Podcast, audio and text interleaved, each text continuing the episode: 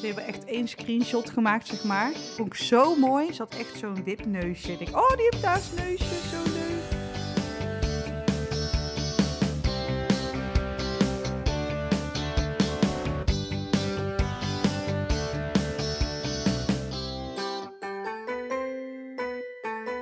Leuk dat je luistert naar week 36 van jouw zwangerschapsweek, de podcast van 24baby.nl.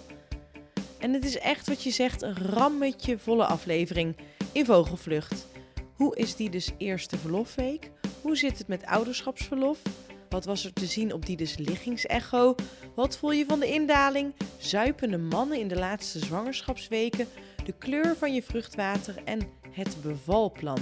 Hatsa, aan de slag! De eerste verlofweek zit erop, Diede. Yay! Hoe oprecht is deze J? ik voel echt een zwart gat. Ik Nee. wist dat die zou komen. Ja. Echt? Ja. Ja. je er niet van genieten? Nee, ik verveel me echt de, de pletter gewoon. en ik doe allemaal wel dingen en ik doe wat ik hoor te doen. En ik ben aan het ontspannen en ik heb een puzzel. Die is alweer bijna af. Ja, dat gaat dan weer veel te snel natuurlijk. Eh, al mijn wasjes zijn al gedraaid. Dus ik denk, nou, wat moet ik dan de komende weken doen? Echt als een ADHD'er ben jij dus deze week door je Ja, huis je hebt meteen alles gedaan. Ja, ik ben, ik ben ook een ADHD'er, dus dat had ik ook. Ik had het niet anders verwacht. Ja, nee, dus, dus Nou, zeg ik het ook. ja, precies. nou ben ik gewoon, eh, nu ben ik klaar. Nu heb ik alles afgetikt en ehm, Laat die baby maar komen, dus. ja. Nou, bijna week Ik 37. had ook door dat het zeg maar ook nog chaos was op mijn werk. Gewoon in de week dat ik al Oh. met verlof was. Oh Mm. shit. Dus dat helpt dan ook niet echt. Dan kon denk het ik, toch oh, niet had ik dan nog iets kunnen doen? Of eh, kan ik nog even helpen? Ik heb toch nog wel even gebeld met eh, deze en gene. ik kan het dan toch niet helemaal loslaten. Nee. Eh, ja, dus eh, nee, ja, ik weet het niet. Eh, ik doe gewoon mijn best. Waren er ook nog leuke momenten? Ja, er zijn alleen maar leuke momenten. Oh. Ik heb leuke dingen. Ik heb alleen maar leuke dingen gedaan. Oh, Ik ben naar het strand geweest en ik heb met vriendinnetje afgesproken en ik heb podcast opgenomen nu. En eh, weet je, dus de, de houden mij dingen bezig en maar dat het voelt, ik heel nut, fijn. hoor ik van het, het voelt nutteloos of zo voor jou. Of... Ja, dan weet je wat het is. Ik wil ook gewoon, dan wil ik eigenlijk gewoon wel schoonmaken, maar dan, of dan wil ik, dan denk ik, oh, in mijn wc moet eigenlijk nog één laag latex. Zal ik dat dan ook doen? En dan kijk ik ernaar en dan denk ik, nee, want mijn lijf wil gewoon dit helemaal niet. Ja. Dat Ja. vind ik er heel vervelend aan. Dat je eigenlijk gewoon nog Ja. dingen wil doen. Je hebt nesteldrang, je wil dingen ondernemen. Maar eigenlijk heb je het fut niet om het te gaan doen. Ja, dat is wel irritant, ja. Dus ja, je moet wel gewoon op je reet gaan zitten en series kijken. Maar daar ben je weer te onrust, onrustig voor. Want je hebt nesteldrang. Ja, wie Ja. heeft dit verzonnen? dus ja, had jij liever met je gat op kantoor gezeten? Ik kan echt best wel goed... Ik kan serieus best goed ontspannen. Ik kan, heel, ik kan de hele dagen op mijn reet zitten. Dat kan ik echt. Mhm. Maar nu niet, want nou heb ik een nesteldrang. ja, Ja, ja, ja, ja, ja. Ja. dus ik snap dit niet. Nee, nee. Ik denk dat het ook heel erg te maken heeft met wat voor werk heb jij. Ja. ja.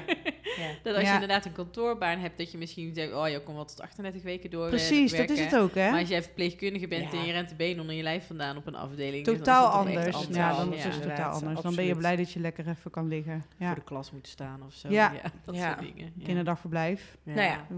Alle fysieke. Ja, alle fysieke Ja. dingen. Maar ja. over een paar dagen ben je 37 weken, dus dan kan de baby komen. En... Ja. Ja, Hey, precies. maar dan duurt het wel lang, hè, als eh, die er straks 41 Ja, weken ja, wordt. ja, ja. Ik heb nu al met het te doen. Ja, precies. En al die Ja. andere vrouwen die in hetzelfde Maar zitten. ik blijf zeggen... Oh, sorry, baby. Eh, ik blijf zeggen dat ik eh, eerder beval, dus eh, ik ben benieuwd. We gaan ik het gelijk zien. ga krijgen. Ja. En ehm, als je dan bent bevallen, hebben jullie, heb jij iets geregeld qua bijvoorbeeld ouderschapsverlof? Want bij je werkgever kan je ook... eh, Ja, ik heb het wel aangegeven dat ik het wil, maar ze zeiden je kan het toch pas eh, plannen of iets als je baby is geboren. Ehm, maar ik wil in ieder geval één dag in de week minder gaan werken en daar wil ik mijn ouderschapsverlof voor inzetten. Want hoe werkt dat? Hoe zit dat met het ouderschapsverlof? Hoe, Eh, nou, nu, nu is het nog dat ik eh, onbetaald ouderschapsverlof opneem. tot je kinderen acht zijn, kun je dat een bepaalde Ja. hoeveelheid... eh, Maar sinds ergens dit jaar heb ik, heb ik- is die regeling veranderd. Dus dan Mhm. heb je, nou kijk ik Roos even aan, want ik weet de details niet. Maar dan is het in ieder geval gedeeltelijk betaald. Voor 50. Ja, je mag negen weken eh, voor 50% betaald opnemen. mits je dat eh, voor het eerste, ja, eerste verjaardag van je kindje Ja. doet. En dat geldt ook voor Oh, partners, hè? Ja, het geldt voor, voor, voor Ja. ouders. Ja. Dus niet alleen voor, voor emancipatiedingen ook. Nee, dat de precies, ouders dus kunnen kijken hoe ze het willen oplossen Ja. in de toekomst. En dat ze daar even mee kunnen spelen. Ik vind het eigenlijk wel fijn, want ik nu verleng ik mijn verlof met drie weken vakantie. Mhm. Dus ik plak er echt letterlijk drie weken vakantie aan. Ik krijg mijn vakantiedagen nooit op, dus op zich is er geen ramp. Dus ik heb drie weken vakantie eraan geplakt. Plus eh, zet ik daarna één dag in de, één dag in de week zet ik mijn, eh, mijn ouderschapsverlof in. ja, Ja, slim. mooi. Slim.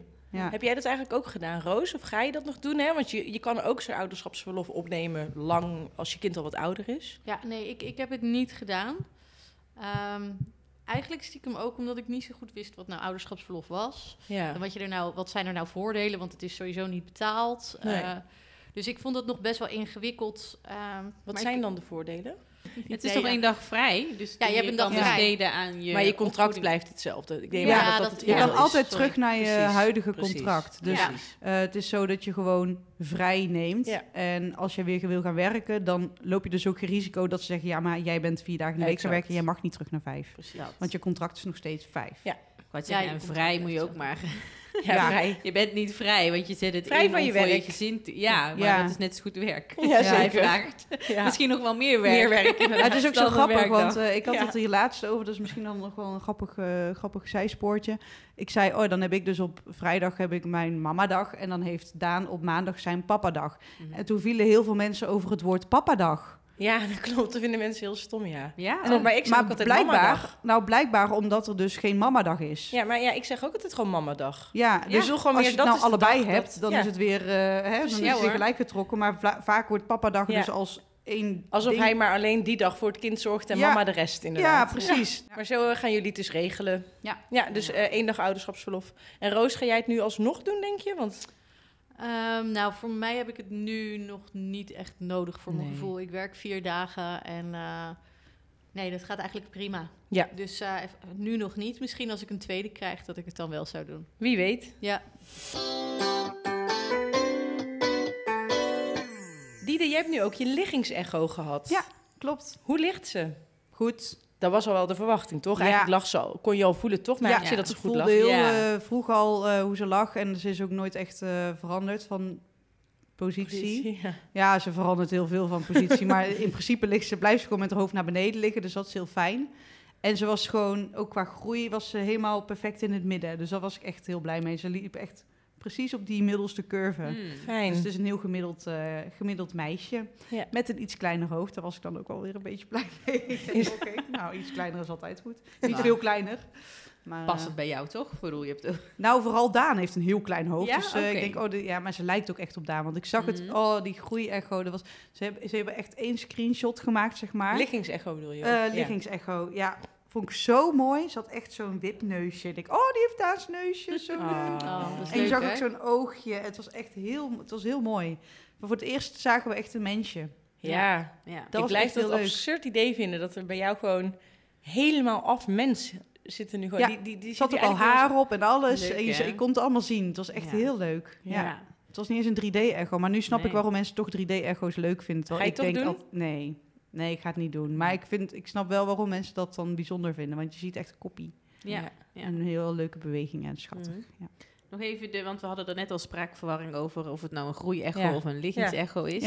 In principe, bij ons in de regio vraag je een liggingsecho aan, maar zijn de vereisten dat je het kindje dan dus ook opmeet. Ah. Ja. Maar een Oh, zo, eenmalige ja. meting is niet een groeiecho. Als je de groei wil beoordelen, heb je echt twee echo's nodig. Nou heeft die er natuurlijk bij 32 weken een echo voor de placenta gehad. Ook dan wordt er naar het kind gekeken, want er wordt niet alleen maar naar een placenta. Dus je zou, eh, je kan wel wat over de groei of het vervolg van de groei in het geval van Diede zeggen. Maar heeft iemand alleen maar een liggingsecho met een groeibepaling, dan wordt er niet, tuurlijk wordt naar de groei gekeken, maar er worden niet hele rigoureuze beleidsopties opgenomen. Tenzij die baby echt heel erg groot of echt heel erg klein is. Ja. ja. Hey, en deze week bereikt eh, de baarmoeder het hoogste punt, toch? Ja, een beetje ribbenboog. Ja, Ribben, jee, ja. Ja. ik zit nu bij mezelf. Ja, ongelooflijk. ja. Heel Betekent hoog. dat dan ook dat het kindje dan nu echt in die ribben zit? Of is die, omdat Nou- hij is in, aan het indalen, is juist alweer wat lager? Of hoe zit dat?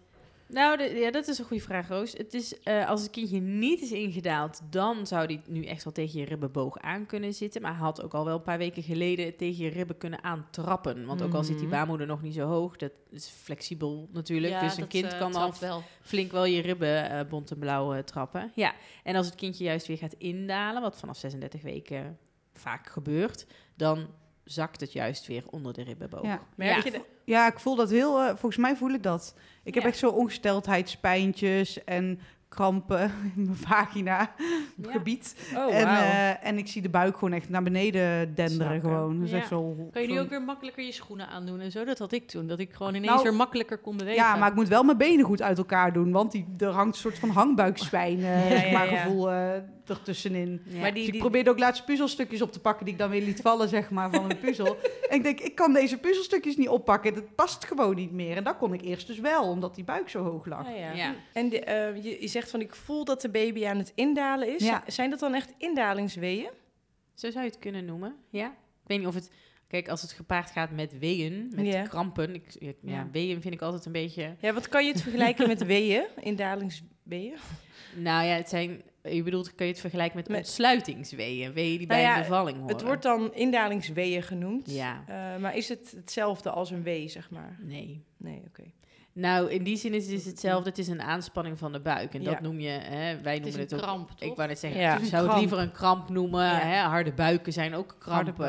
Er is ook conditietraining Ja. van die baarmoeder. En die harde buiken kunnen ook ervoor zorgen dat het kindje indaalt. Ja. Ja. Ja. Hè, dus ik zou het ook misschien... Ja, wij noemen het ook eerder contracties. Hè? Want die Mhm. baarmoeder, die, nou, Ja, die maakt- trekt zich die samen. trekt samen. Ja. En als je het dan over...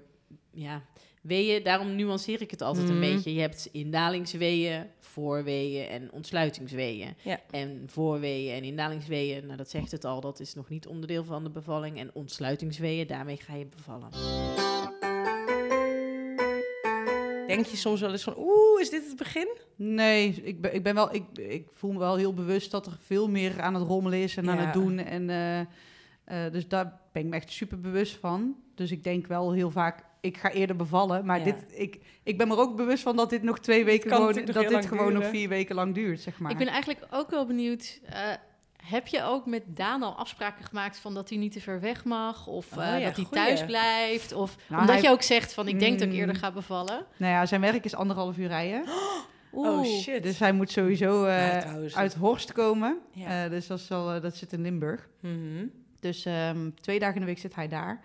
En dan heb ik wel afgesproken van jou, als ik bel, dan moet je niet gaan racen. Want ik Nee. geloof ook niet dat ik binnen anderhalf uur beval. En dan heb je gelukkig ook het eerste gedeelte gemist. En dat vind je misschien ook wel fijn. ah, sorry. Oh, deze moet ik echt uitleggen. Maar Daan die is echt heel erg, die vindt het echt vreselijk dat ik zoveel pijn ga krijgen. En die zegt ook gewoon, ja, als ik er niet bij hoef te zijn, dan vind ik het ook goed, toch? Oh.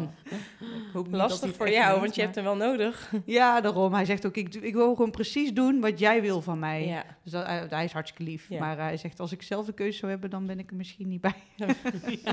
Wat zei je? Ja, die, die keuze had ik ook graag gehad. Ja, Jongens, ik ga niet bevallen, maar ik ga Ik ga- ja dit heb ik wel echt letterlijk gezegd. Ik zeg, ja, weet je, ik moet ook maar dit werk gewoon eh, even deze taak volbrengen. Ja. Maar eh, nee, dus hij, hij werkt wel eh, een eindje ver weg. Dus die, eh, eh, als, ik, als het dan begint, dan bel ik hem wel gewoon wel direct op. Maar ja, je weet, heel vaak heb je volgens mij niet eens door... oh, is dit dan, is dit dan het begin? Ja. Nee, Daar- dat daar weet je pas op het moment als je terugrekent. En oh, toen was het om heel veel vrouwen ja. even terug gerust te stellen, over het algemeen begint een bevalling als jij thuis bent, Ja. in rust bent, Ja. met je partner naast je in bed. Ja, 9 van de 10 keer hè, gebeurt iets s'avonds of s'nachts. S'avonds. Ja, ja. Maar s'avonds begint het ook echt veel meer te rommelen dan s ocht- s ochtends voel ik me echt kip lekker en heb ik het idee dat ik niet eens zwanger ben en eh, kan ik alle, de hele wereld aan. En s'avonds denk ik, oh, ik wil niet meer.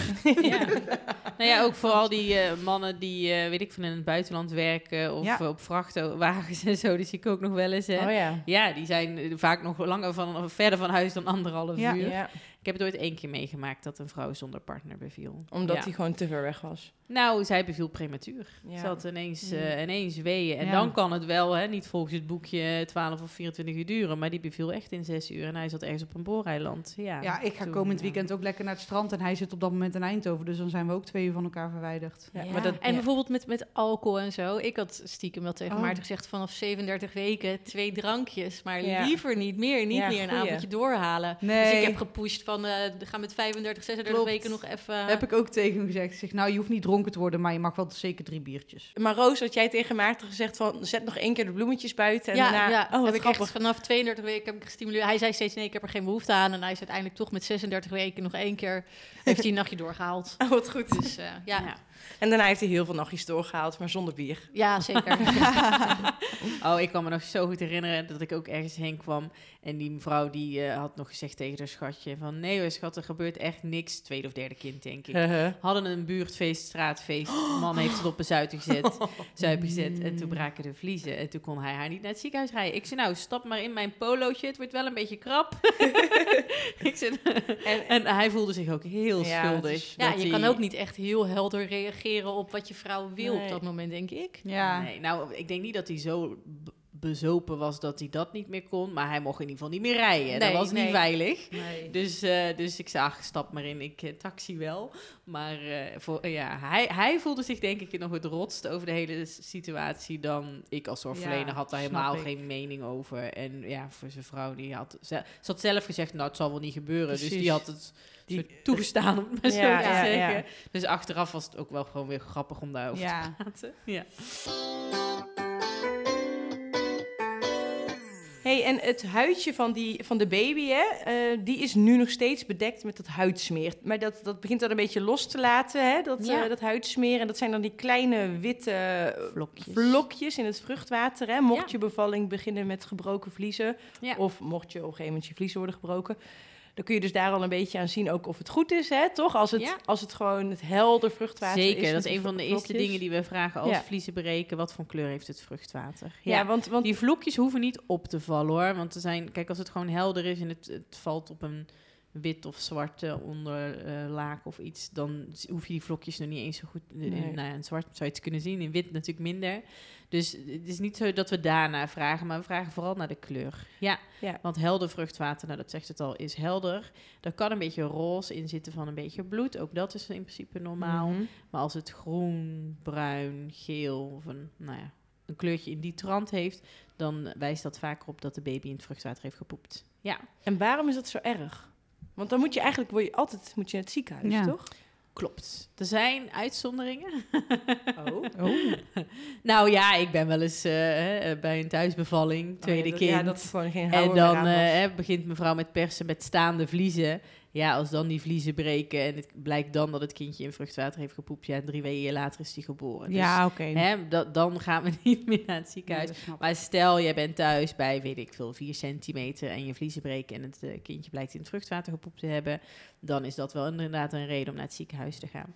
Waarom? Niet zozeer omdat we op dat moment ons heel erg zorgen over de baby maken, want als je gewoon een goede hartactie hebt en hè, verder geen andere signalen, dan verwachten we niet dat de baby op dat moment in nood is. Maar het is wel een signaal dat het kindje ooit een keertje een noodsituatie heeft meegemaakt. Want dat is waardoor eh, hè, de sluitspier eh, ontspant en het, eh, die ontlasting in het vruchtwater komt.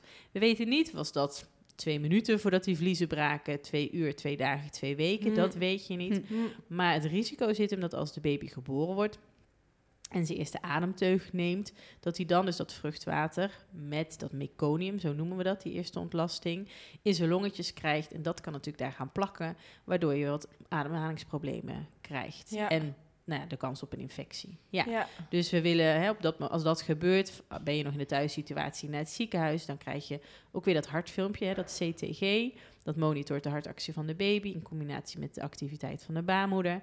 En dat krijg je dan eigenlijk je hele bevalling om nou goed in de gaten te houden. En natuurlijk op het moment dat de baby geboren wordt, wil je dat hij zo goed mogelijk een start heeft. Ja. Ja, ik kan wel zeggen dat we noemen dat diffuus meconium. Dat wil zeggen dat als het echt gewoon heel lichtjes groen-geel is, dus echt flink ja, verdund door het vruchtwater, dat dan de kans op ademhalingsproblemen vaak wel veel minder zijn. Maar als het echt dikke drappen, dan moet je echt denken aan echte soep. Hm.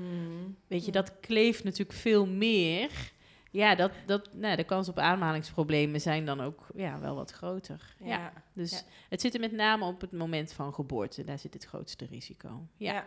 Ja. Maar je hoeft dus niet eh, helemaal in de stress te schieten Nee, alsjeblieft niet. als je dat Nee. ziet, zeg maar. dat De dat kans ook hè, dat, eh, dat een kindje in het vruchtwater gepoept heeft bij 37 weken is ook niet zo heel groot. Vaak zie je dat als je een beetje over tijd gaat, 41 weken. Hm. En wat ik al zei, als zo'n kind in dat vruchtwater zit, voor hetzelfde geld zit hij daar al twee, drie weken in. Hm. Ja, dat, dat weten we niet. Nee. En dat is ook verder prima. Op dat moment hoeft zo'n kindje niet zelf adem te halen. Nee. Het krijgt gewoon natuurlijk via de navelstreng zijn zuurstof. Ja. Ja. Dus het zit hem echt in het, nou, het geboren moment. Ja. Ja, helder.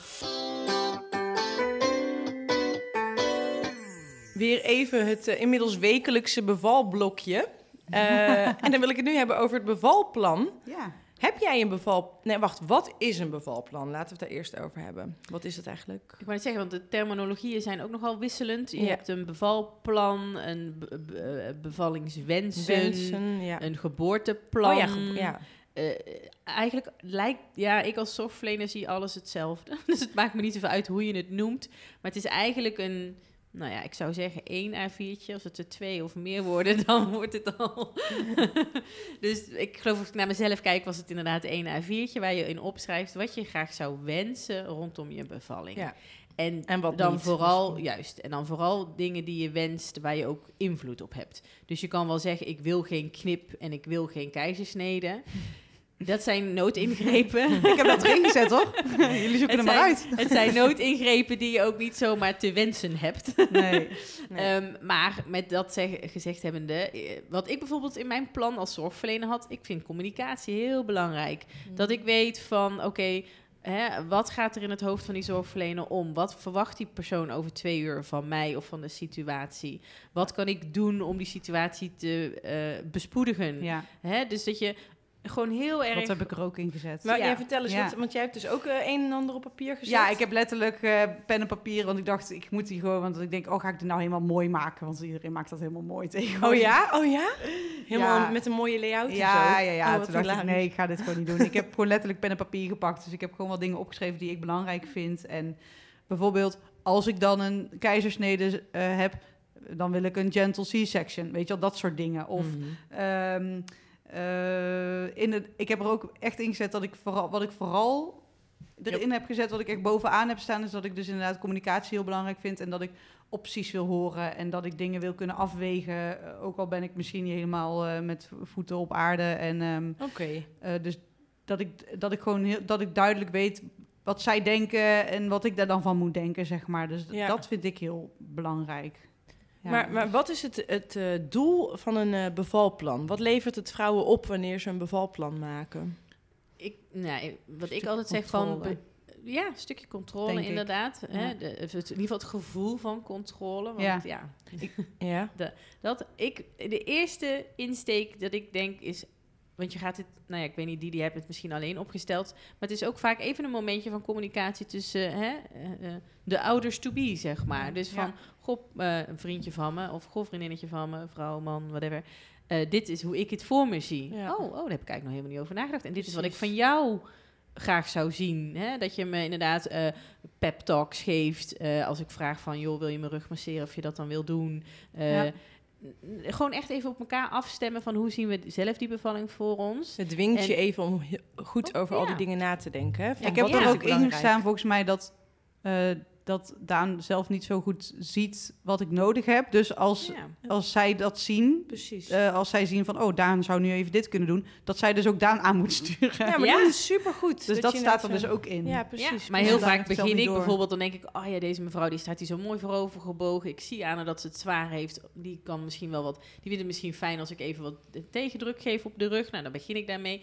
Check ik even, is dat fijn of niet? Ja, nou, na drie weken zeg ik tegen die partner, hier ga jij dit maar eens Mhm. eventjes overnemen. Want die voelen zich zo nutteloos op dat Ja. moment. Die weten ook gewoon Zet hem niet maar aan het werk, hoor. Ja, die- dus, dus het is, hoe fijn is het als je verloskundige even wat uitprobeert en denkt, oh ja, dit werkt, en dan hup je aan het Mhm. werk zet. En dat is niet omdat ik dan denk, zo, dan kan ik met mijn armen over elkaar. Maar ik wil, het is, bevallen is wel echt een proces tussen niet alleen maar vrouw en baby, maar juist ook die vader of die Ja. partner is zo belangrijk. Dus in die kan, dat kan je ook goed opnemen inderdaad in het eh, bevalplan. Of laten we het inderdaad geen plan noemen, maar je bevalwensen. Wensen. Ja, dat zie ik best wel, dat er best wel een soort, nou, lacherig is niet de bedoeling, maar dat veel vrouwen zeggen van, ik ga dat niet doen, want het loopt toch anders. Mm. Maar ik denk inderdaad dat het goed is om gewoon even stil te staan bij van, hey, hoe zou ik het nou voor me zien? En je hoeft echt niet te zeggen, ik wil dat er kaarsjes aangaan. Ja, dat kan je ook Mag erin ook. zetten. Ja hoor. Maar hè, dat je in ieder geval zegt, eh, ik had bijvoorbeeld gezegd, ik, ik eh, ga beter op iemand met een zachte aanpak dan dat iemand te- Ja, tegen mij zegt, pushen. je moet nu Ja, eh, ja. puffen, puffen. Ik heb liever dat iemand zegt van, nou, je doet het goed, Precies. even Ja. rust nemen.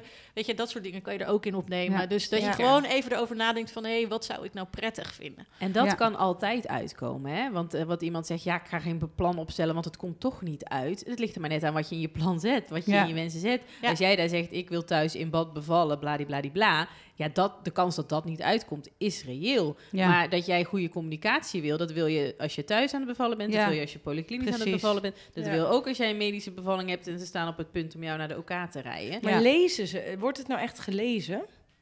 Nou, ik mag het hopen. Mhm. Ik bedoel, ik lees, wij bespreken zo'n bevalplan altijd, zeg maar, nou, net nadat mensen de liggingsecho bij ons in Mhm. de praktijk hebben gehad. Dus dat is rond 5, 36 weken. Daar plannen we ook eh, uiteraard extra tijd voor in. Liefst vragen we ook, neem je partner mee naar deze afspraak, want dan kunnen we het daar met z'n allen over hebben. Dat heb je vanmiddag, toch? Ja. Ja, we bespreken ook eh, eh, belinstructies. Dat klinkt heel zwart-wit, maar Ja. van, goh, wanneer ga je je verloskundige nou bellen? Hè, als je, ja, als je baby gestart zijn, als je vliezen breken, bij hoeveel bloedvlies moet je bellen? Wat kun je van je verloskundige verwachten? Dat bespreek ik ook altijd. Want ja, als mensen ervan uitgaan dat ik bij de eerste wee ernaast zit en vervolgens pas weer van hun bij, hè, eh, zijde ga als die baby drie, vier uur oud is. Ja, dat is ook niet reële verwachting. Dus het is ook heel belangrijk dat ze een reële verwachting hebben van ons als verloskundige. Ja. Mhm. Ehm, want anders dan ben je straks hè, eh, negatief over je zorgverlening. En dat kan natuurlijk altijd. Maar verwachtingsmanagement is denk ik gewoon Mhm. heel belangrijk. Ja, Ja. Van, alle van alle partners zeg maar in zo'n eh, geboorteproces.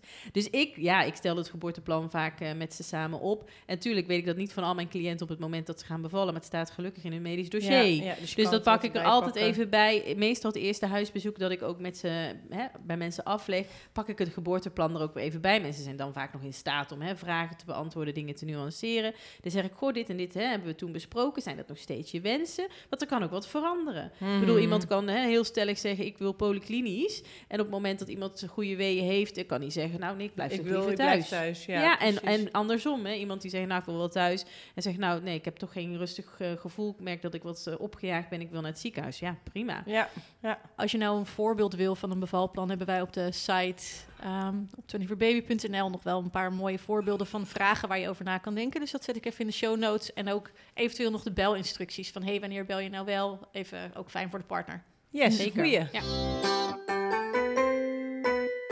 Hey, over een paar dagen dan heb jij voor jou een belangrijke mijlpaal bereikt. 37 weken. Checkmark. Ja, hoop- super fijn. Ja, nou ja, ik hoop dat we je volgende week gewoon nog hier zien. Ja. Eh, dat de baby nog lekker veilig Zeg in de ik. buik zit. Maar wie denk- weet. nou, ik verwacht... Ja, ik zeg altijd wel, volgende week beval ik. Maar ik denk dat het wel eh, dat het nog wel even duurt. We zien het. We gaan Yes. het horen. Doei. Doeg! Bedankt voor het luisteren naar week 36 van jouw zwangerschapsweek. Ik hoop dat je er weer veel aan hebt gehad. Week 37 wordt een bijzondere. We bespreken de bevalling namelijk van A tot Z. Van de vluchttas Je moet zwangere vrouwen dit soort tassen helemaal niet laten inpakken, volgens mij. Want eh, ja, ik heb echt als een kip zonder kop gewoon dingen gepakt. Ik heb nu geen idee meer wat erin zit. tot de Ring of Fire en alles wat er voor en daarna komt. En dat doen we zonder schaamte. Ga dat luisteren. Wist je trouwens dat je ons ook kan beoordelen op Spotify? Geef ons vooral sterren, we zijn echt benieuwd wat je ervan vindt. Tot week 37.